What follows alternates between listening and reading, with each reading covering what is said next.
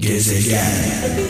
Of of of evet bugün öğleden önce sevgili kralcılar bir felaket yaşandı.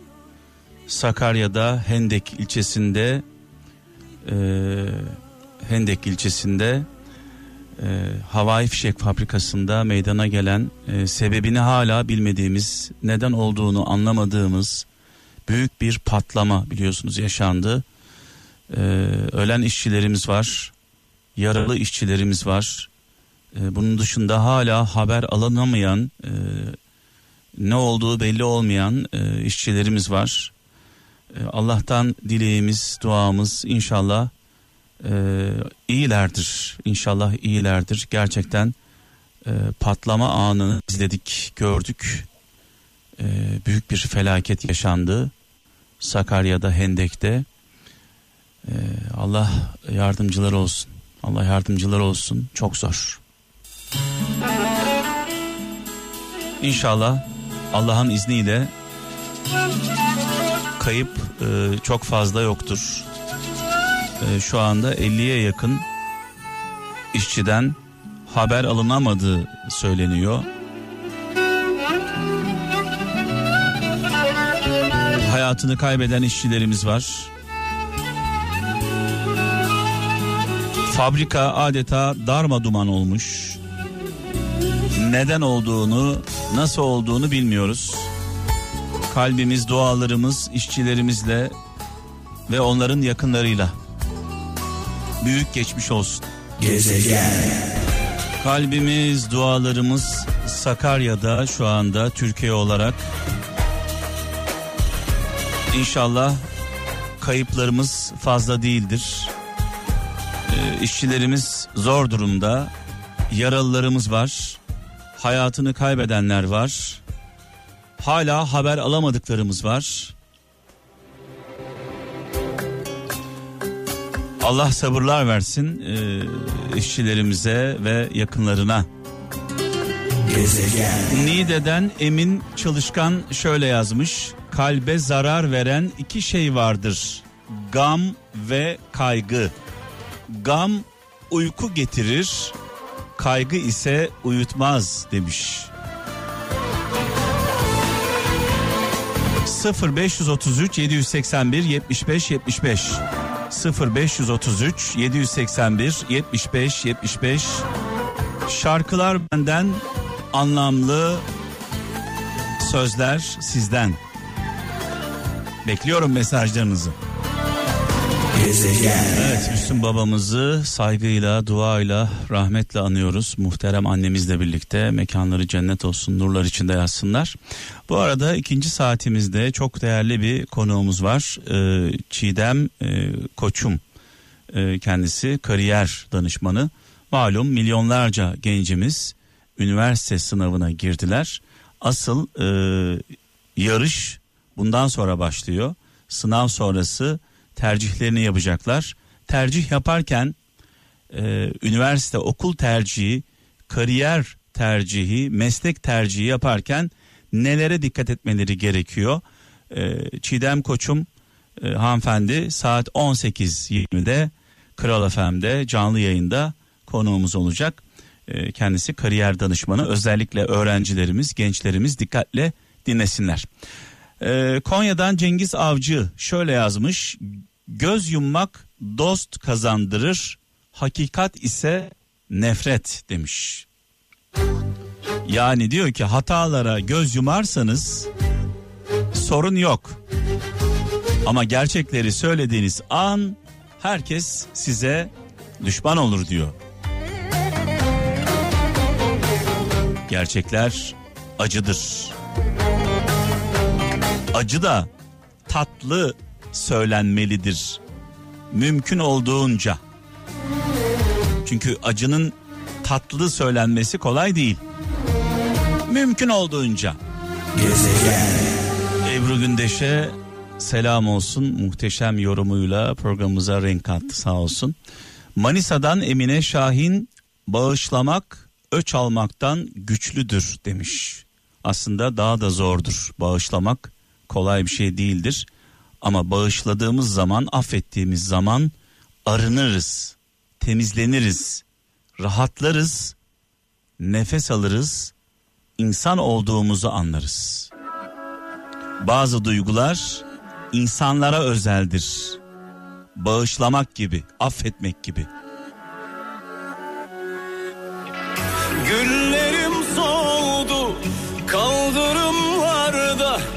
Gonca yüklü dallarıma Tabii bir şey eksik söylemeyeyim.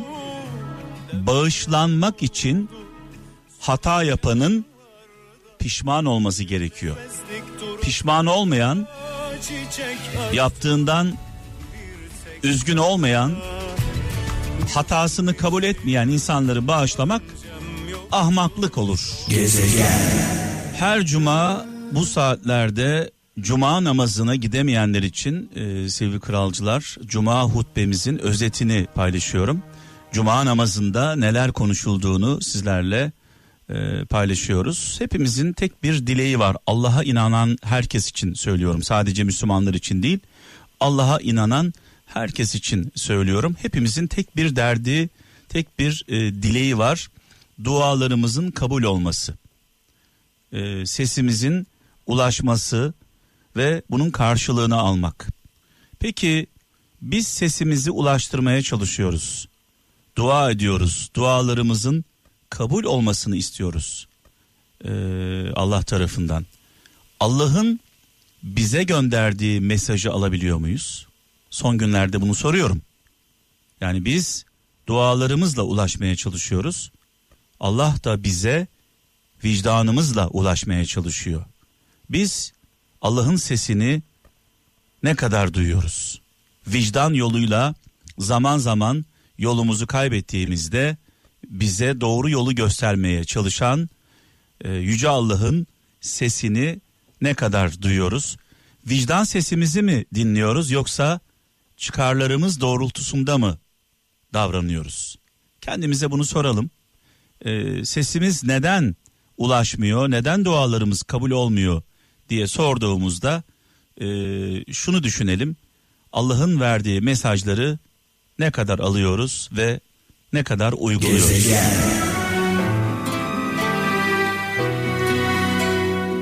Çıkar konuşunca vicdan susar demiş Konya'dan Hüseyin İbiş göndermiş. Çıkar konuşmaya başlayınca vicdan susuyor demiş. Biz çıkarlarımız doğrultusunda mı davranıyoruz yoksa vicdan sesimize mi kulak veriyoruz? Bunun çok önemli bir ölçüsü var sevgili kralcılar. Bizden olan yanlış yaptığında tenkit edebiliyor muyuz? Bizden olmayan doğru yaptığı zaman takdir edebiliyor muyuz?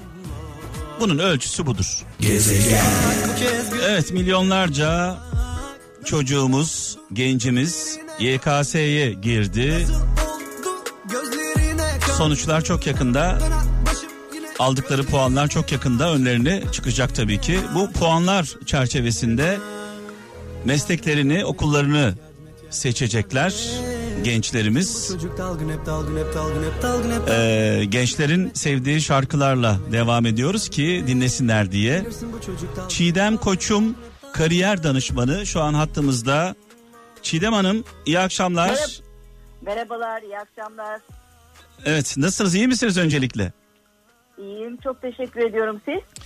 Sağ olun. Şimdi tabii aklıma şu geldi. Ee, Benim eski müdürüm Müştak Ayvaz.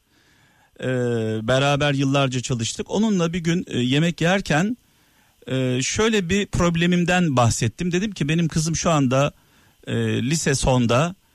Üniversite konusunda ne yapacağımızı bilmiyoruz. Neye yeteneği var? Neye ilgisi var? Neye becerisi var? Neyi istediğini biliyoruz aslında ama yeteneği neye var? Neyi yapabilir? Tam bunları böyle konuşurken sizden bahsetti ve o gün aradık sizi. Ee, siz de galiba çocuğunuzla ilgili böyle bir problem yaşadınız Çiğdem Hanım Evet, ve bu problem sonrasında bu sektöre girdiniz kariyer danışmanı olarak. Evet aslında bir problem demeyeyim de bir ihtiyaç doğdu. Ee, ben de aynı soruları kendime sordum. Nasıl sordunuz? Kendinize nasıl sordunuz bu soruları? Ee, yani aynı aynı bir veli olarak aynı endişeleri taşıyordum. Yani Evet. benim kızım da bundan iki sene önce aynı yolculuğa çıkmıştı. Dolayısıyla e, neye yeteneği var? Acaba ilgisi hangi konulara? Ben bu konuda, bu arada ben insan kaynaklarında çalışıyordum o dönemde. Alanım oydu. Bir altyapı Evet, da var bu arada. Bir altyapı da var. Aynen öyle. Ee, herkes e, zaten belli bir üniversiteyi bitirip bir kariyer yolculuğuyla geliyor size. Ve siz bütün kariyeriniz boyunca aslında belki de yanlış meslek seçmiş insanlarla karşılaşıyorsunuz. Evet. Dolayısıyla ben o yarayı çok iyi bildiğim için Evet. aynı şeyler benim kızımın ya da başka çocukların başına gelmesin diye acaba nasıl yardım alırım diye araştırmaya başladım. Ve o dönemde araştırırken e, aslında e, bunun benim için bir merak konusu olduğunu da fark ettim. Araştırırken Sadece- öğrendiniz bu arada. Evet aynen öyle. O ihtiyacı gidermek için ve ben- ben dedim ki artık bundan sonraki kariyerimde e, bu iş üzerinde çalışmak istiyorum. Evet. E, liseli gençlere hatta ikinci kariyerlerinde insanların yardımcı olmak istiyorum. Dolayısıyla ben kendimi nasıl geliştirebilirim? Nasıl eğitebilirim? Bunun üzerine nasıl kendime yatırım yaparım diye başladım.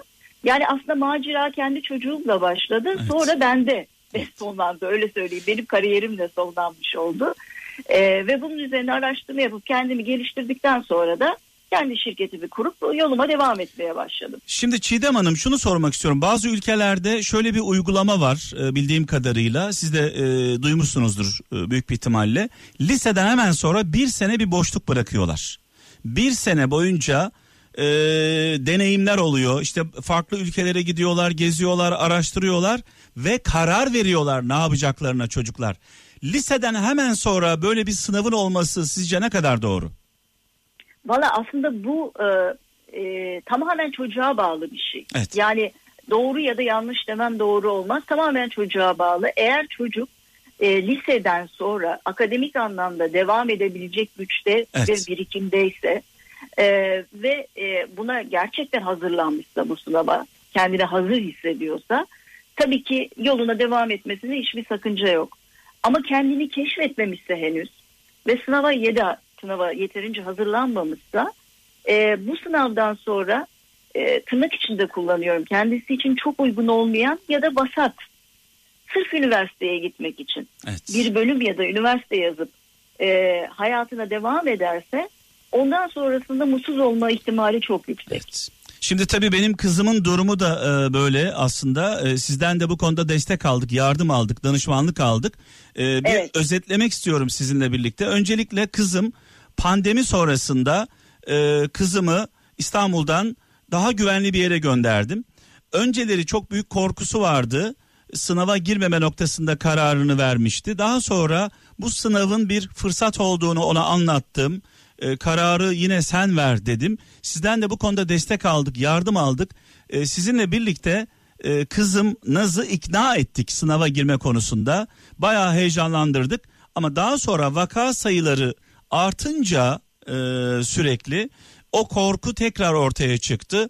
E, ayrıca hazırlanmadığını, hazırlanamadığını, tam olarak hazır olmadığını, tam kararlarını veremediği konusunda da bizi ikna etti. Beraber önümüzdeki sene sınava girmesine karar verdik. Kızım Naz'ın durumunu böyle çok kısa özetler misiniz? E, Valla siz çok güzel özetlediniz aslında. Ben üstüne şu ufak tefek eklemeler yapabilirim. Naz e, e, hani sizin kızınız olduğu için söylemiyorum ama her çocuğun bir e, keşfedilecek potansiyeli var. Evet. Naz'ın potansiyeli de daha çok e, yaratıcılık tarafında. Dolayısıyla e, şeyi hep konuştuk sizinle de. Bizim sistemimiz belli tipte çocuklara yönelik bir sistem, eğitim sistemimiz. Evet. Akademik başarıyı da öyle ölçüyoruz. Yani bu çocuklar fizik, kimya, matematikte ne kadar başarılıysa o kadar okul hayatında başarılıdır diye adlandırıyoruz çoğu zaman. Veli olarak biz de aynı hataya düşüyoruz aslında. Naz ise yaratıcılık tarafı e, e, ve bunun üzerine e, kendisine e, meslek edinebileceği alanların olduğu bir e, güce sahip, potansiyele sahip. Biz bunu keşfettik zaten Evet. kendisiyle. Bu fikir onun da çok hoşuna gitti. Zaten kafasındaki alanlardan biriydi. Biz bunu sadece sağlamasını yaptık. Şimdi tabii diyeyim. Çiğdem Hanım aslında sizin yaptığınız e, olay e, şunu anlıyorum. E, çocukların yeteneklerini, isteklerini e, keşfediyorsunuz. Sadece yetenek ve e, istek ayrı ayrı da oluyor. Bazen mesela şöyle örnek vereyim. Çocuk bir şey yapmayı çok istiyor. Çok fazla istiyor. Ama ona bir yeteneği yok. Veya hem yetenek var hem istek var. Yapmak istediği şey karşılığı yok. Yani para kazanamayacak ileride. Siz siz bunu keşfediyorsunuz. Neyi iyi yapabilir? Neyi seviyor? Yani üçünün bir arada olması mümkün müdür? Mesela sevdiğimiz işi yapmak, yaptığımız işi başarmak ve bundan para kazanmak. Üçü de mümkün. Çünkü şöyle söyleyeyim size. e, ilginizi, yeteneğinizi keşfedip motivasyonunuzu da buna eklediğiniz zaman e, başlangıçta belki çok büyük paralar kazanmayı beklememelisiniz. Evet. Çünkü herkesin bir emekleme dönemi var. Ama sabrettiğiniz takdirde işinizden zevk aldığınız için başarılı olursunuz zaten. Yani o yolda gidersiniz. Çünkü keyif alıyorsunuzdur. Biz bu duyguyu her zaman tadamıyoruz. Ee, her zaman seçimlerimiz doğru olmuyor meslek anlamında. O yüzden de bunu ölçmemiz çok zor oluyor bazen ebeveyn olarak biz kendimiz bile. Ve hayatımızın merkezinde e, yaptığımız iş gece rüyalarımıza bile giriyor. Peki şunu soracağım Çiğdem Hanım. E, üç tane önemli konu var burada aslında. Bir, sevdiğimiz iş. En sevdiğimiz, severek yapacağımız iş. İki, en iyi yaptığımız iş, becerimiz olan iş. Üç, bunların karşılığını alabilmek. Bu üçünü böyle e, yan yana koyduğumuzda öncelik sırası hangisi? Öncelik sırası e, hangi konuya ilgi duyduğumuz. Hah, sevmek, Evet sevmek başlangıçta. severek yapmak. Önce- evet. Peki bir yapmak. şeyi bir şeyi e, Çiğdem Hanım diyelim ki bir işi beceremediğimiz için beceremediğimiz için sevmiyoruz.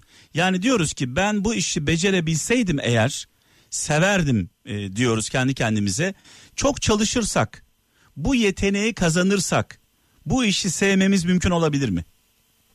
Şöyle söyleyeyim zaten e, çok çalışıp o yeteneği e, kazanmak için uğraşıyorsak Seviyordur zaten. o konuyla ilgili evet bir, bir şeyimiz vardır altında bir e, sempatimiz vardır Evet, en azından. evet. Çünkü özellikle Z kuşağı sevmediği şeyi yapmak konusunda e, çok uğraşmıyor. İşin gerçeği Yani bu. buradan çocuklara şunu söylüyoruz. Diyoruz ki birinci sıraya sevdiğiniz işi koyacaksınız. Evet. Evet. İkinci sıraya bu işi yapabiliyor musunuz? Yapamıyorsanız eksikleriniz varsa çalışarak bunu giderebilirsiniz diyoruz. Evet. Çok evet. çalışırsak. Ee, bu ikisi bir araya geldiğinde para arkasından gelir diyoruz aslında bir anlamda. Aynen. Aynen. Aynen öyle diyoruz. Evet şimdi e, sizinle yaptığımız konuşmalarda beni de şaşırtan bazı örnekler verdiniz. E, biz tabii başarılı öğrenci deyince işte mühendis, e, doktor, e, genelde e, sayısal e, başarısı olan öğrenciler aklımıza geliyor. Siz tam tersini söylediniz. E, bundan böyle artık bu mesleklerin çok önemli olmayacağını, asıl önemli olanların yaratıcılık olduğunu, sanatsal özelliklerin ön plana çıkacağını söylediniz. Bunu biraz açar mısınız bana? Tabii açayım. Aslında bu meslekler önemli olmayacak demiyorum ben. Bunların içerisinde yani genel anlamda meslekler içerisinde e, gelecek 10 yılda çok büyük değişiklikler olacak. Mesela tıp hala önemli bir meslek olacak. Evet. Mühendislik mesela hangi mühendislik diyelim biyokimya mühendisliği hala önemli bir meslek olacak. Ama bunun yanı sıra e, yaratıcılık tarafı bu mesleği yapan insanlar için bile yani e, tırnak içinde söylüyorum doktorlar mühendisler için bile yaratıcılık tarafı daha ön plana geçiyor olacak. Evet. Bu tarafı kuvvetli çocuklar diğerlerinden farklılaşacaklar ve öne geçecekler. Evet. Niye? Çünkü önümüzdeki dönem hatta şimdi bile bunu yaşıyoruz bir dijitalleşme dönemi. Bu dijitalleşme döneminde e, insanın yaptığı e, birçok şeyi yapay zekanın yapabilmesi mümkün. Yani Hatta- ameliyatlar bile ameliyatlar bile belki de robotlar tarafından yapılacak. Evet. Robotik teknoloji hatta şu anda kullanılıyor. Evet bunu bir doktor e, yönetiyor ama robotik teknolojiler kullanılıyor. Bunun çok daha ileri safhaları olabiliyor. Dolayısıyla e, bunun gelişiyle birlikte dijitalleşmenin, teknolojinin gelişiyle birlikte e, aslında yaratıcılık tarafı kuvvetli olan beyninin sağ tarafını daha çok çalıştıran çocuklar ön plana Hayal kuran, olacaklar. sınırsız hayaller kurabilen biraz da çılgın ve deli çocuklarımız ön plana çıkacaklar. Evet yani düzenin insanı olmak pek ön plana çıkmak anlamına gelmiyor. Peki peki. Çiğdem Hanım bu bin yıl sonra mı olacak? Yo bu çok yakın. Hatta e, bunun yakın olduğunu zaten biz e, Şubat ayından itibaren hissetmeye başladık. Evet. Yani bu pandemiyle birlikte pandemi pandemi e, süreci en az 10 sene bizi ileri attı diyebilir miyiz? Hayatımızı değiştirdi diyelim. İleri attı diyemeyeceğim. Evet, Çünkü evet. bazı şeylerde de geri attı Evet gerçekten. evet evet evet. Onu hepimiz biliyoruz. Evet. Hayatımızı 10 sene sonra yaşayacağımız bazı şeyleri öne çekti bu pandemi süreci. Yani biz şimdi e, e, online eğitimleri üniversite düzeyinde daha sık konuşmaya Evet, başladık. Evet. Hatta siz çevrenizden de duyuyorsunuzdur. Yurt dışında okuyan öğrencilerin bir kısmı Kanada'da, Amerika'da şu andan itibaren okulları ilan ettiler. E, güz dönemini de yani Eylül'den sonra da online geçirme imkanları olabilecek. Dolayısıyla Şimdi bugün- herkes buna hazırlıyor Ee, kendini. bugün açıklandı 31 Ağustos'ta okullar açılıyor dendi ama şu anda Türkiye'deki pandemi sürecine baktığımızda bunun da çok böyle sağlıklı işleyeceği konusunda şüphelerim var.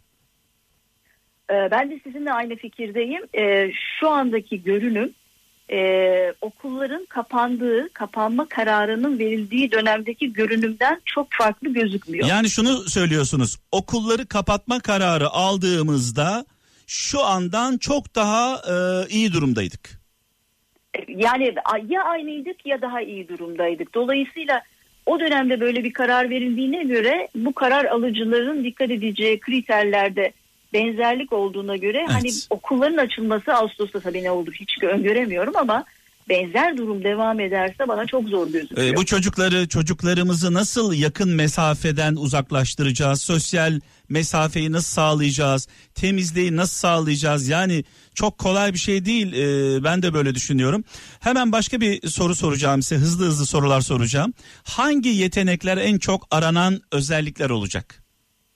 Önümüzdeki dönemde aslında e, ben size fizik, kimya, matematik demeyeceğim. Bir, öz disiplini yüksek çocuklar. Öz disiplini yüksek olanlar. Planlı İki- çalışanlar. Evet ve e, kendinin farkında olup buna yatırım yapabilenler. Yani Hani şunu diyorsunuz yani uy- uyku düzenine, sağlık e, düzenine, e, pro- programına bağlı olan disiplinli çocuklar diyorsunuz. Bunu diyorum artı şunu da söylüyorum. Mesela X e, üniversitesi A bölümünü yazacak. Bunun için sağlam bir matematik gerekiyor. Evet. Hiç kimsenin dürtmesi olmadan oturup matematik çalışıp test çözecek çocuk örneğini Evet, vereyim evet, size. evet. Öz disiplini yüksek. Evet. İkincisi e, e, adaptasyonu, uyumu yüksek olan çocuklar. Belirsizliklere iyi cevap verebilen, tepki verebilen, hemen alternatif plan geliştirebilen çocuklar. E, ön plana çıkıyor olacaklar. Üçüncüsü de biraz önce konuştuğumuz yaratıcı çocuklar. Hayal kurabilen Yani- çocuklar. Evet. Evet. Ya hayal kurabilen ve bunları gerçekleştirecek öz disiplini olan. Evet. Çünkü yaratıcılık tek başına bir nitelik değil, bunu gerçekleştirme gücünün de içinde olması Yani gerekiyor. yan gelip yatarak hayal kurmanın bir anlamı yok. Yok maalesef onlar hep düşüncede kalıyor. Hayata geçmiyor. Hayal kuranlar mesela işte elektriği ortaya çıkaranlar, ampulü ortaya çıkaranlar, e, bu icatları yapanlar, telefonu ortaya çıkaranlar sadece hayal kurmamışlar, deli gibi çalışmışlar. Evet, deli gibi çalışmışlar ve azimli çalışmışlar. Evet. Çok güzel bir örnek Evet, verdiniz. evet. Mesela ampul, Edison. Edison binlerce defa ampulü kırmış. En Evet. sonunda ampul yanmaya başladıktan Evet. sonra saatlerce ona ulaşmış. Vazgeçmemiş, vazgeçmemiş, istikrarla Aynen. yani çılgın hayaller kurmuşlar Çiğdem Hanım. Bu hayallerin e, e, yolunda deli gibi de çalışmışlar. Aynen. Evet. Peki Aynen. e, meslek seçerken nelere bakmak gerekiyor e, bu süreçte? Aslında biraz önce e, siz e, güzelce özetlemiştiniz. Bir, benim ne, ne neyi seviyorum? Evet. Yani e, okulda hangi derslere ilgim var? Proje mi yapıyorum? Evet. Hangi projelerden hoşlanıyorum? Neleri seviyorum? Neleri yapmayı Önce seviyorum? ben neyi severek yapıyorum? Bunu birinci Evet. sıraya bunu birinci sıraya koyacağız. Evet. İkinci sıra neye yeteneğim var? Evet bunu seviyorum. Örneğin resim yapmayı seviyorum ama resim yapmaya yeteneğim var mı? Eğer yeteneğim yoksa ben bu yolda ilerleyeceksem o zaman benim bu konuda kendime yatırım yapıp eğitim almam ve pratik yapmam lazım. Evet. Dolayısıyla ilgi alanlarımı tespit et. Bu ikisi bir araya geldiğinde baş- Evet. başarı ortaya çıkıyor. Başarı varsa da para da geliyor arkasından zaten. Evet bir üçüncü bir şey daha söyleyeceğim. Ee, bu da önemli bir şey. Şimdi e, bizim hepimizin değerleri vardır. Hayattaki değerlerimiz duruşumuzu belirler. Nedir bu işte bazısı için dürüstlüktür, bazısı için sadakattir, bazısı için e, e, kararlılıktır. Bir takım hayat değerlerimiz var. Bu hayat değerlerimizin de o mesleğe aykırı olmaması lazım. Evet. Çok basit bir örnek vereyim. Özel hayat sizin için çok kutsal, değerli. Ailenize ayırdığınız zaman çok önemliyse sizin için tıp alanında doktor olmak size ters bir meslek olabilir. Çünkü, sabah doktor- akşam, sabah akşam değil mi? Evet. Yaşantınıza uygun mu? Yaşa- yaşantınıza uygun mu? Evet yani dolayısıyla bu üçüncü ayak motivasyon dediğimiz ayak çok önemli. Evet. Ee, siz e, tıp alanında okumak konusunda yetenekli olabilirsiniz. Bu konuya da ilginiz olabilir. Ama siz öyle bir özel hayat hayal ediyorsunuzdur ki çocuklarınıza da zaman ayırın. Evet. Ee, örneğin anne olarak. Ondan sonra e, işinizi belli zamanlarda tutun. O zaman doktor olmak onun getireceği fedakarlık size uygun olmayabilir. Bunu baştan düşünmek lazım. Evet şimdi Çiğdem Hanım benim kızım 19 yaşında. Ee, ben Evet. bütün bütün seçenekleri önüne koydum.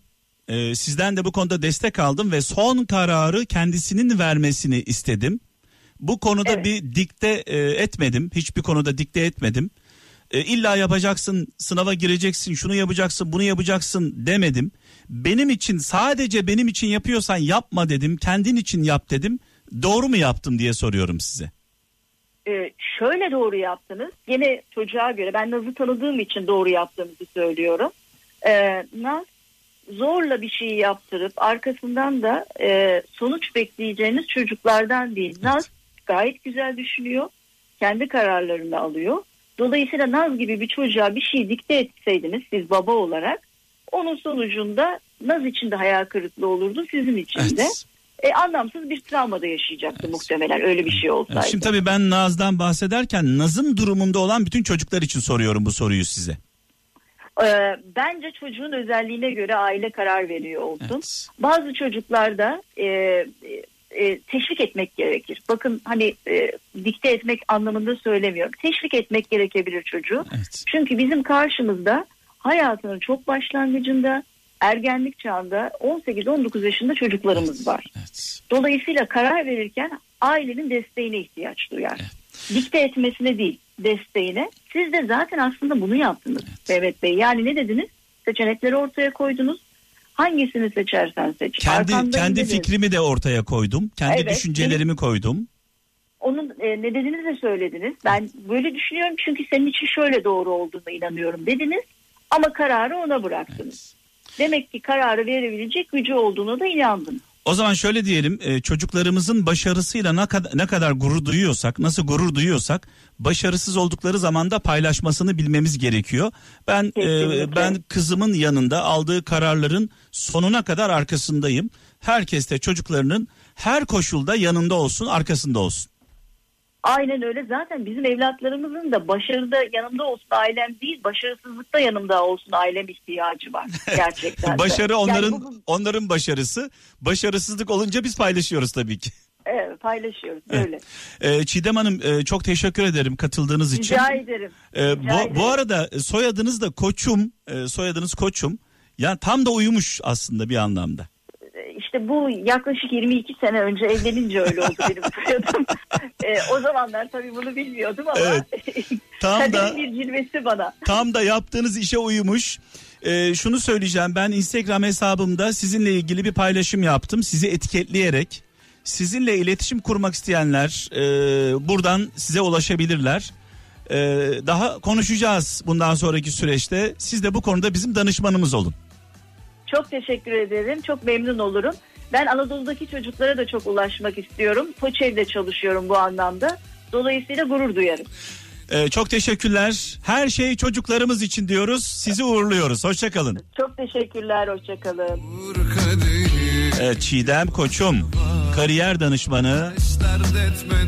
Neymiş? Önce önce biz neyi seviyoruz? Çocuklara sesleniyorum. Biz neyi severek yapıyoruz? İki, severek yaptığımız işi Becerebiliyor muyuz? Yani yeteneğimiz var mı? Yetenek çalışarak oluşabilir. Çok çalışırsak bu yetenekle donatılabiliriz. Bu ikisi bir araya geldiği zaman severek yaptığımız iş, becerdiğimiz iş, başarabildiğimiz iş finalde her şey güzel olur. Ee, buradan gençlere diyorum ki lütfen sevdiğiniz işleri yapın.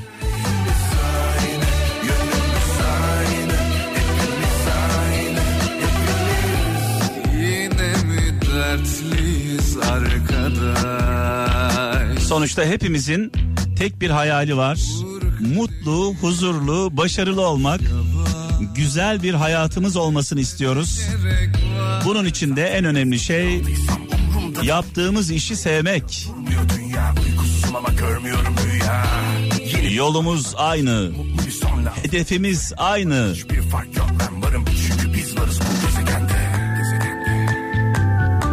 Gezegen Çünkü sırtımı halka dayamışım ben. Kemal Sunal'ı aramızdan ayrılışının 20. yılında saygıyla, duayla, rahmetle anıyoruz. Mekanı cennet olsun, nurlar içinde yazsın. Bizi güldüren adam, bizi düşündüren adam, bizi ağlatan adam. Zaman zaman ağlattı, zaman zaman güldürdü, zaman zaman düşündürdü, zaman zaman yaşananlara kızdık. Birçok şeyi öğrendik sayesinde. Evet, özellikle bugünlerde sevgili kralcılar gülmeye çok ihtiyacımız var. Kemal Sunal'a çok ihtiyacımız var. Onun eee, ruhuna çok ihtiyacımız var. Bu akşam bu gece şöyle bir şey yapalım. Ailece hep beraber. Böyle tek tek değil. Ailece hep birlikte bu akşam bir Kemal Sunal filmi izleyelim. Hep beraber, hep birlikte gülelim. Hep birlikte düşünelim. Hep birlikte dua edelim. Ee, o bir halk kahramanı. O bir halk kahramanı. Nurlar içinde yatsın. Mekanı cennet olsun. Gezegen